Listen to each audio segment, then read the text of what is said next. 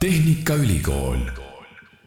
tänase podcasti külaliseks on meil Tallinna Tehnikaülikooli Tervisetehnoloogiate Instituudi e-meditsiini keskuse juht, professor Peeter Ross. Peeter, kõigepealt palju õnne, värskelt atesteeritud viieks aastaks äh, professorina Tervisetehnoloogiate Instituudis. mida see professuur mm, sulle tähendab? tervist ja suur tänu. professuur on mitme kohustuse, ülesande ja võimaluse kombinatsioon.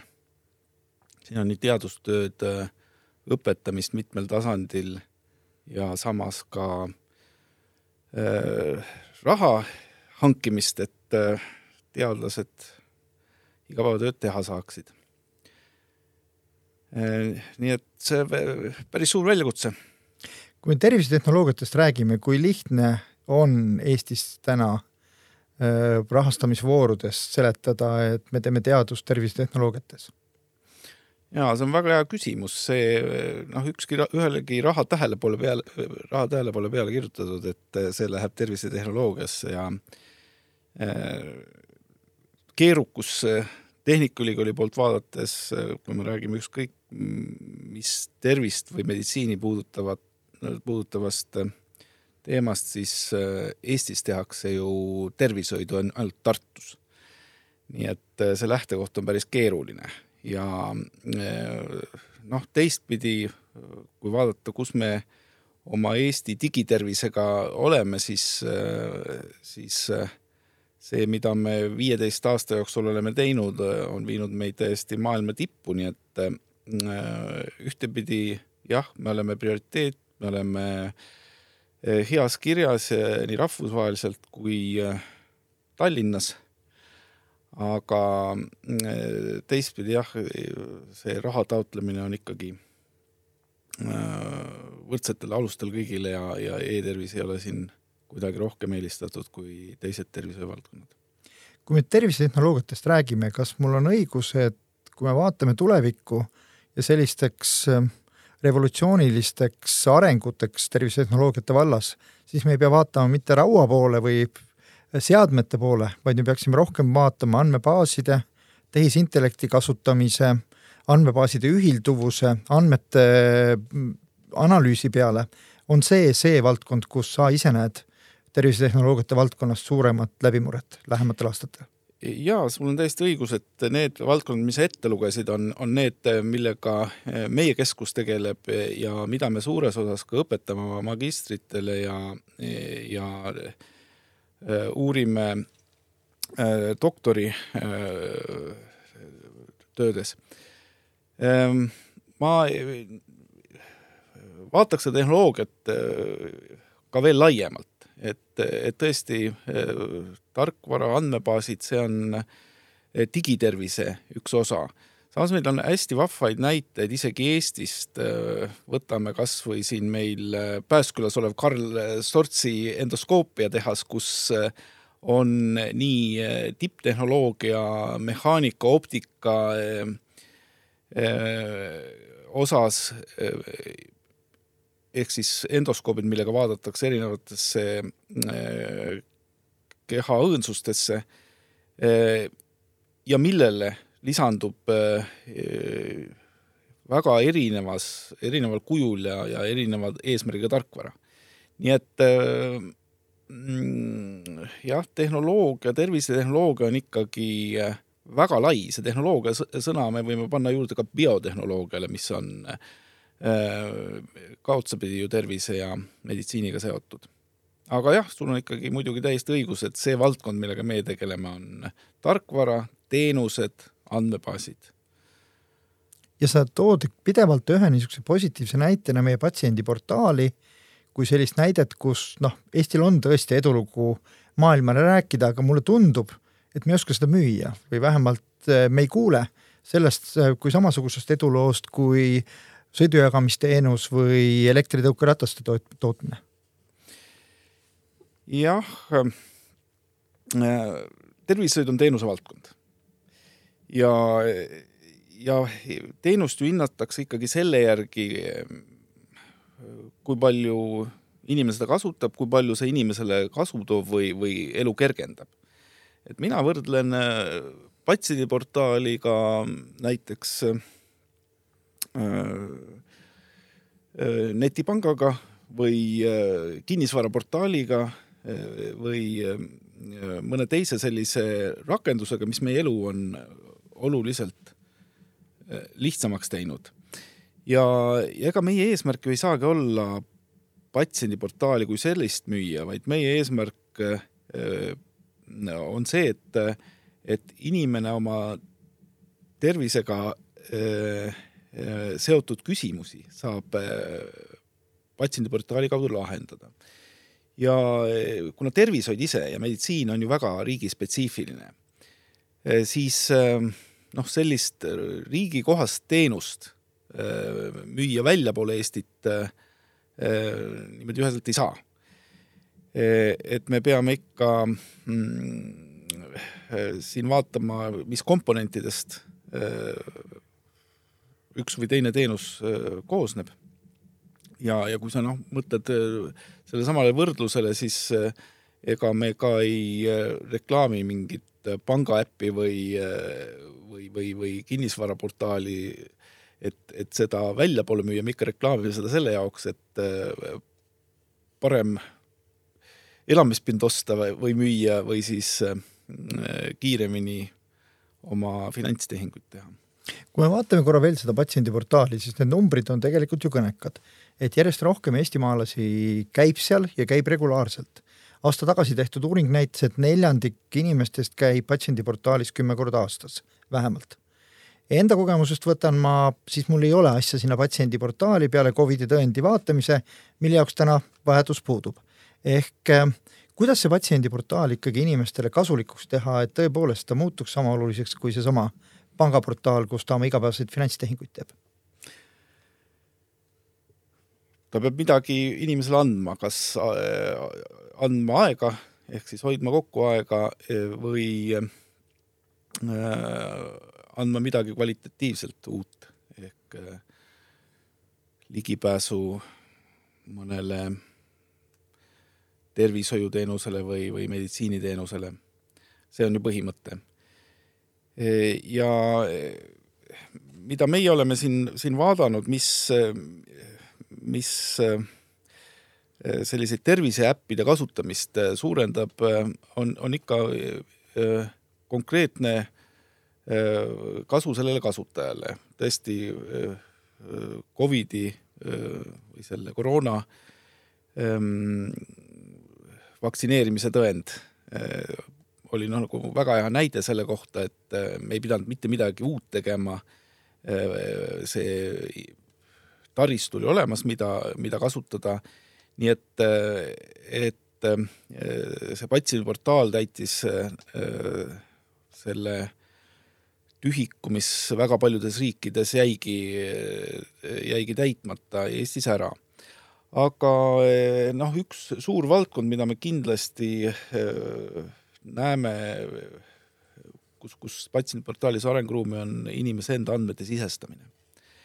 Et kui me vaatame näiteks kroonilise äh, haigusega inimesi, vererõhu, kõrgvererõhutõvega või, või diabeetikuid, siis äh, tänasel päeval on ikkagi endiselt päris palju inimesi, kes paberpäevikusse kirjutavad või siis teevad Exceli ja saadavad äh, perearstile või, või endokrinoloogile. ja see äh, mitte kuidagi ei paranda seda eh, infovahetust, mis, eh, mis nende inimeste vahel on. et noh, see on näide, kus, kus on arenguruum, et, et me saaks lisaks sellele, et vaadata mingeid andmeid või aeg-ajalt mõnda dokumenti alla laadida, et me saaks ka sellise interaktiivsema suhtlusvahendi. no väga heaks näiteks nüüd on meil mitmed perearstide poolt rakendatavad äh, portaalid, kus on võimalik äh, ise oma kaebused äh, sisestada, saada ka noh, niisugust kerget tehisintellekti nõuannet, et kui kiiresti antud probleemiga peab tegelema. Ehm, need on, need on näited, kus, kus digilahendusi me saame kasutada selleks, et aega kokku hoida. ühes oma intervjuus nädal, aasta aega tagasi oled sa öelnud, et tehisintellekt veel ei võimalda seda, et ma saaksin sellest samast patsiendiportaalist teavitusi, et kuule, sa ei ole hulk aega vererõhuarsti juures käinud või sa eh, tundub, et sa ei ole sporti mõnda aega teinud, et võib-olla nüüd hakkaksid pihta. et tol hetkel neid lahendusi veel ei olnud. Tehisintellekti hästi kiire areng viimase poole aasta jooksul peaks ju neid samu asju võimaldama, sest ma julgen öelda, et patsiendid on tegelikult passiivsed, nad ootavad, et arsti poolt tuleb see nõuanne, mitte et ta peaks ise nagu küsima, et kuidas, kuidas mul läheb ja eestlane on tagasihoidlik selles osas. et eh, kaugel me oleme nendes lahendustes, et tehisintellekt hakkaks tegelikult, teades minu vaegusi, soovitama tervislikuma eluviisi regulaarset rakendamist. Ma olen olnud ja olen endiselt väga ettevaatlik eh, kasutamaks sõna tehisintellekt, eh, sest eks meil puudub selles osas eh, kõigile üheselt mõistetav definitsioon. küll aga jah, arvuti poolt toetatud otsustamine või, või soovitused, noh, nendel on selgelt koht olemas juba praegu meditsiinis kindlasti ja ka edaspidi peaks aina rohkem olema sellel kohta äh, terviseedenduses. Äh, mis teeb sellised soovitused keerukaks, on see, et inimene ikkagi ei ole selline lineaarne nähtus, ehk siis et kui muutub üks asi, siis ilmtingimata ei ole tulemus teine asi, vaid üks fakt võib olla põhjustatud mitmest erinevast taustast ja, ja kui me ei tea seda tausta, siis on mõistlik äh, äh, ennem üle kontrollida äh, nii inimese poolt kui, kui lasta hoiatus arvuti poolt saata. no ma toon näiteks, mis on hästi hea, hea näide Eestis sellise arvuti toetatud otsuste tegemisel on rinnavähi sõeluuringud. Ja seal tõepoolest inimesest sõltumatult Äh, saab äh, sõeluuringule kutsutu selle äh, teate. Ja see võiks olla ju noh, väga lihtne mõelda niimoodi, et ütleme, naised vanuses viiskümmend kuni kuuskümmend, et nemad iga kahe aasta tagant peaks käima uuringul. Ja teha selline lihtne algoritm ja saata eesti.ee aadressile ja, ja pakkuda ka välja konkreetsed kuupäevad, kus tegelikult on ajad nendele. just, äh, just. Ähm, nüüd ähm, miks see nii lihtne ei ole, on sellepärast, et ähm, äh, võib-olla on see inimene käinud äh, mõni nädal tagasi mammograafia uuringul omaalgatuslikult, siis oleks ju naljakas, kui see teade tuleb sulle kahe nädala pärast, et tule uuesti võib-olla sellel inimesel on juba eh, opereeritud eh, rinnavähki, siis on see noh, eh, lausa šokeeriv selline teade, eks. nii et mis see tähendab seda, et, et me sellise liht-, isegi nii lihtsa teenuse tegemiseks me peame omavahel linkima mitu andmebaasi. me peame rahvastikuregistrist saama inimese vanuse ja soo me peame tervise infosüsteemist saama temale tehtud äh, uuringud, varasemad, ja äh, me peame äh, samuti teadma siis tema noh, näiteks elukohta või aadressi, et sinu soovitusel, nagu sa ütlesid, et öelda talle, et sinu kõige lähem mammograafia tegemise koht on lahti sel ja sel kellaajal ehm, ja, ja kui seda inimesele on, on juba opereeritud või tal on pilti tehtud, siis ka andmed selle kohta, et, et kas see on olnud korras ja sa ei pea minema või, või just vastupidi, et, et sa pead minema täiendavatele uuringutele. et see teeb selle eh, arvuti toetatud eh, soovituste, otsuste tegemise keeruliseks, et, et me, meil on üks soovitus näiteks äh, tervise parandamiseks või tervise kontrollimiseks, aga me ei saa seda rakendada kõigile, vaid me peame seda, tundma seda äh, iga inimese personaalset tausta. siin tulevad mängu ka mõningad äh, isikuandmete kaitsega seotud küsimused, tervis on hästi haavatav selles osas?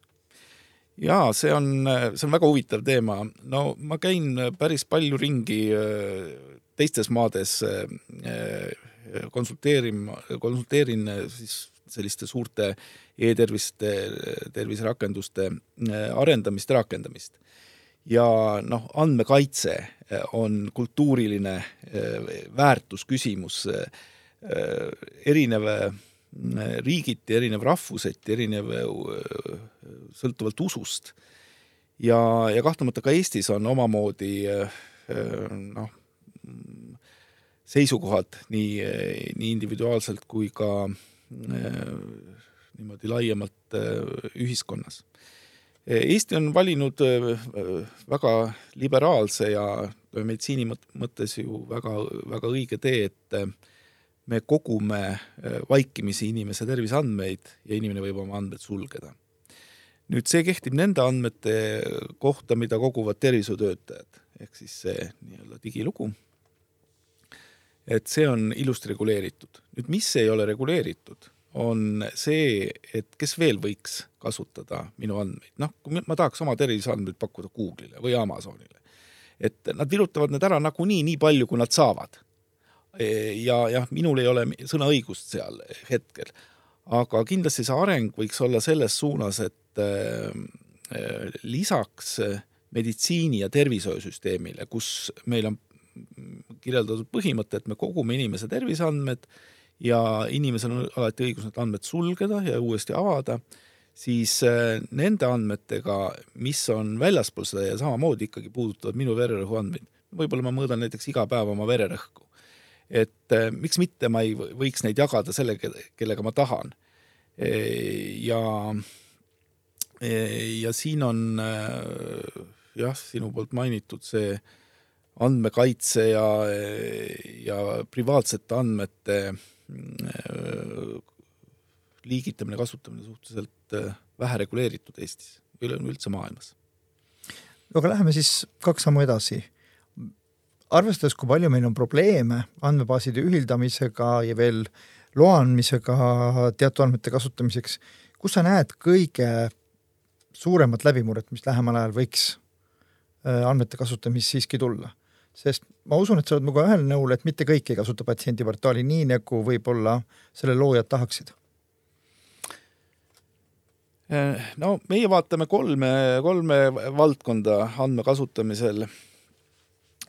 üks on juba kogutud andmed, nii Haigekassa andmebaas nüüd on ta Tervisekassa, Eesti Tervise Infosüsteem, kus on kogu rahvastiku andmed päris suur andmehulk on geenivaramus, et äh, mm, me, me analüüsime äh, andmeid mitte personaalselt, vaid äh, agregeeritult ehk siis äh, mitte isikustatult mitte, nagu. mitte isikustatult. et see on üks, üks hästi huvitav valdkond, kus me saame näha, kuhu riigi tasandil võiks äh, investeerida või peaks investeerima, äh, kuidas on haiguste äh, esinemine, kuidas haigu-, haiguste spekter muutub näiteks, ähm, kuidas ravipikkused muutuvad. et see on noh, pikemas perspektiivis hästi oluline rahva tervise seisukoha pealt, riigi majanduse seisukoha pealt kas see pakuks ka lahendust äh, kummitavale Tervisekassa võimalikule defitsiidile lähiaastatel, kui me teame, millistesse valdkondadesse, millisele ravile rohkem raha kulutada, teades neid andmeid ja millisele vähem. kui ma ei eksi, siis täna Tervisekassa vahenditest umbes kaheksakümmend protsenti läheb ravi, ravijuhtudele ravimisele.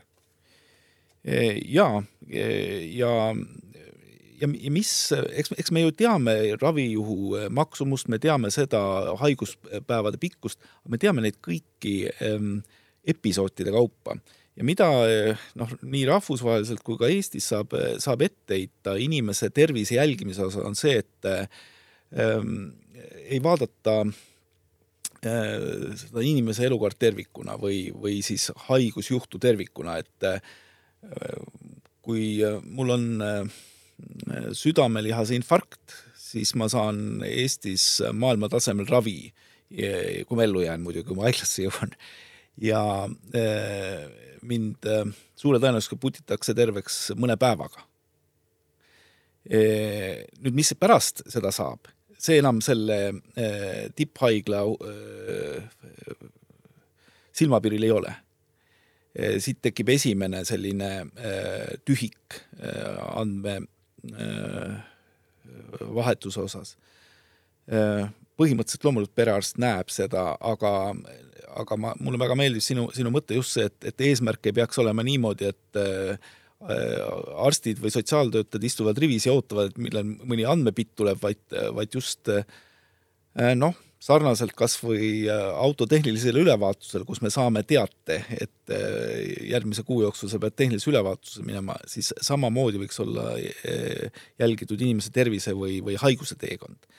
ja, ja kui me veel tervishoius oleme enam-vähem suutelised seda inimese haiguse kulgu jälgima, kuigi jah, tõesti senini veel ilma sellise mm, digitaalse toetuseta või, või isegi nagu järjepidevuse toetuseta, siis mis puudutab sotsiaalsüsteemi, mis äh, on ju äh, tõtt-öelda vähemalt sama oluline, et vältida seda uut haigestumist, siis seal meil äh, andmed on päris omaette andmebaasides ja mitte, mitte lingitud terviseandmetega. aga, aga just see, et kui ma ei, kui ma olen, olen suurte rahadega terveks ravitud, eh, siis eh, eh, sotsiaalvaldkond on, on see, mis suhteliselt väikeste rahadega, kui me sinna õigel ajal õige informatsiooni saame, aitab hoida ära minu järgmist sellist tervisekatastroofi, sest, sest noh, sealt tulevad alates psühholoogilisest abist kuni, kuni kas või toidu koju toimetamiseni või, või selliste esmatasandi või esmatarbijavajaduste rahuldamiseni. kuidas siin Tehnikaülikooli e-tervise keskus kaasa aidata saab nende lahenduste leidmisele?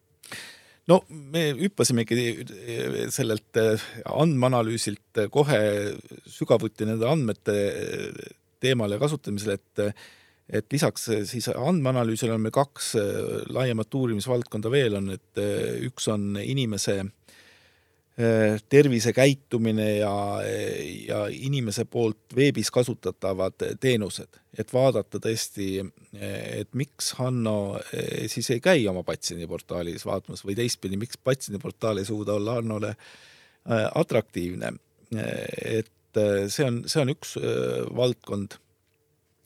ja, ja kolmas seondub ka rakendustega, et uute rakenduste äh, väljatöötamine ja näiteks äh, kui need kolm asja siis kokku panna, et äh, uued digirakendused, nende rakenduste kasutamine ja andmed nii tervise kui ka noh, kitsamalt nende rakenduste kasutamise kohta, siis siis siit tuleb selline päris huvitav ja, ja perspektiivikas kogum. saan, saan uuesti näiteks tuua selle perearsti poolt Äh, paljude perearsti poolt nüüd kasutatavad äh, platvormid, kus inimene ise saab oma andmeid sisestada enne, kui ta äh, läheb kas perearstikeskusesse või helistab perearstikeskusesse, see on noh, olnud siin meie, meie viie aasta viimase uurimistöö tulemus mõneski, mõneski osas ja me oleme päris aktiivselt nii Tervisekassaga kui erinevate perearstikeskuste ja tarkvarafirmadega koostööd teinud ehm, et see on nagu üks väga-väga konkreetne näide. ja, ja noh, samas sa tõid jah välja need, need faktid patsiendiportaali kasutamise osas.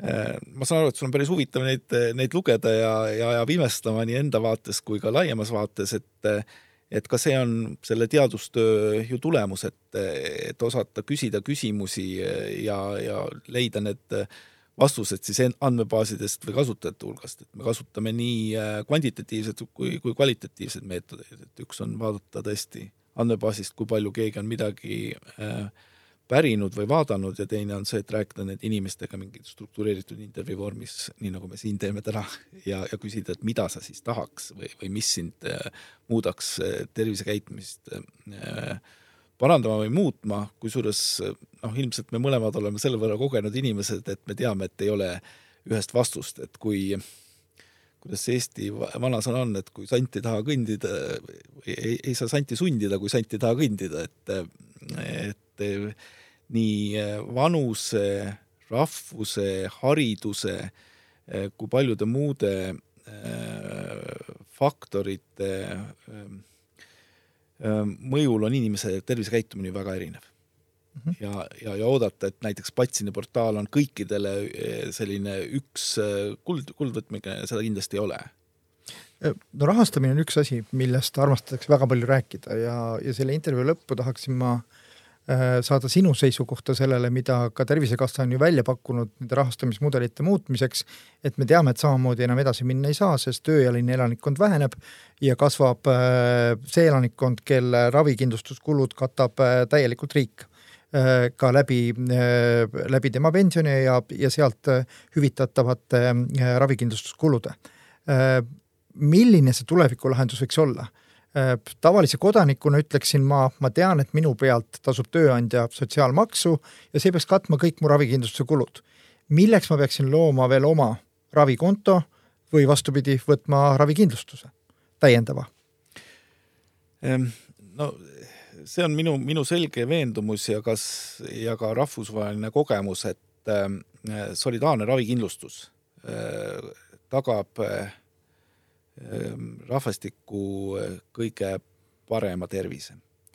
et äh, siin rääkida, et osad inimesed võiks endale erakindlustust hankida, et äh,, et siis tervis on kuidagi see, see tervishoiusüsteem võimekam või, või tulemused paremad, siis, siis noh, rahvusvaheline praktika seda ei näita, ehk siis see, et töötegija ja, ja palgasaaja maksab ka nende inimeste äh, ravikulud äh,, kes tööl ei käi või kes tööl ei saa käia. et äh, see kokkuvõttes on ühiskonnale kõige kasulikum. nüüd jah, edasi on küsimus selles, et, et kas see solidaarne makse peaks tulema ühe maksuna kõikide käest teatud protsendina või on meil mõistlik teha äh, mingisuguseid äh, väikeseid, aga kindlasti väga väikeseid erisusi. et ka tänasel päeval on Eesti, Eesti ravirahastus ju selline, et äh, suur osa tuleb sellest meie tööandja poolt makstavast kolmeteistkümnest protsendist, aga sellele lisandub ka äh, väiksem osa otse riigieelarvest, ehk me juba katame seda puudujääki, mis meil otsesest ravikindlustusraha laekumisest puudu jääb pluss tasulised teenused ja omaosalus, mis on kasvanud? Ehm, ta on seal kuskil kahekümne kolme protsendi kandis, on see omaosalus ehm, kogu ravikuludest, et me igaüks umbes veerandi või natukene vähem Eestis maksame, seda loetakse natukene kõrgeks, et ja see on kasvanud viimastel aastatel, kui ma õigesti aru saan? Ehm, no seoses Covidiga ta minu teada nüüd on vähenenud jälle, sellepärast et tõesti siin koroona ajal kallati suhteliselt lahkelt äh, tervishoidu äh, ka eelarvest raha juurde.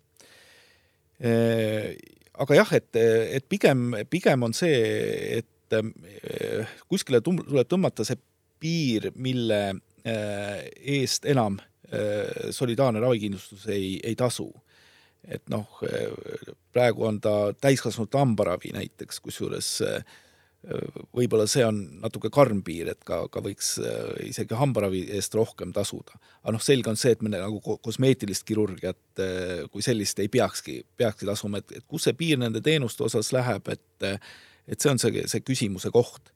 ja, ja loomulikult, äh, et kui me tuleme ringina sellise andmetöötluse juurde tagasi, siis äh, Äh, siis me peame kasutama neid suurepäraseid andmebaase, mis meil olemas on, me peame inimestele äh, noh, võimaldama sellist äh,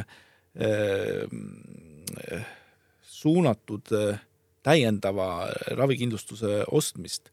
et noh, me oleme siin juba julgelt üle viiekümnesed ja need meie klassivennad, kes korvpalli kõvasti mängisid, neil on kõik, kõigil juba nii põlve kui äh, puusaproteesid tõenäoliselt, et, et äh, täna me seda teame ja hästi lihtsasti ette ennustatav asi. Ehm, aga, äh, et kui sa oled noh, teatud füüsilist koormust teed proportsionaalselt liiga palju, et siis midagi sul kulub kiiremini ja, ja sarnased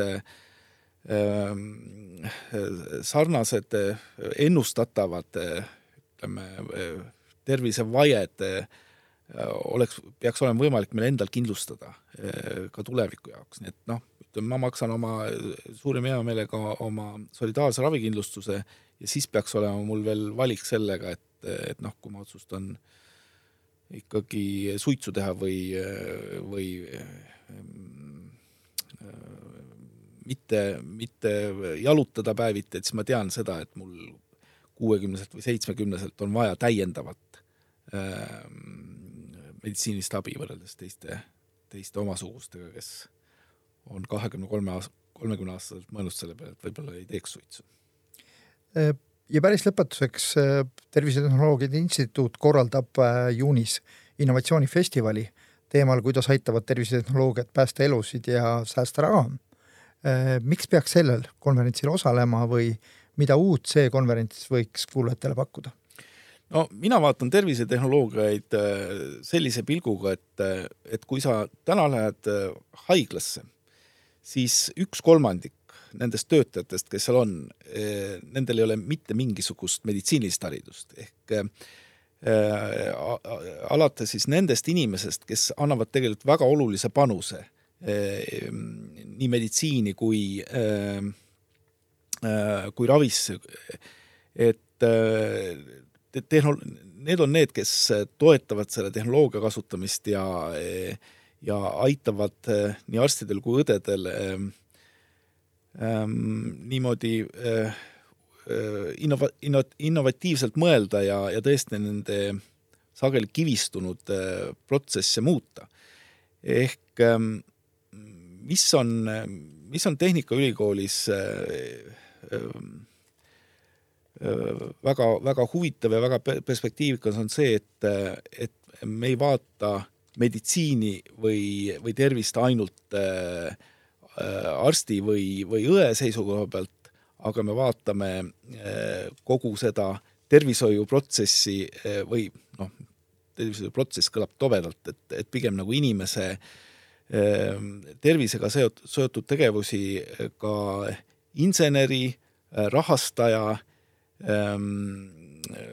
biotehnoloogi vaatevinklist ja see annab äh, Ehm, meile võimaluse uusi huvitavaid äh, abivahendeid ja, ja rakendusi inimestele pakkuda. aitäh selle huvitava vestluse eest, Tallinna Tehnikaülikooli Tervisetehnoloogiate Instituudi e-meditsiinikeskuse juht, professor Peeter Ross. suur tänu!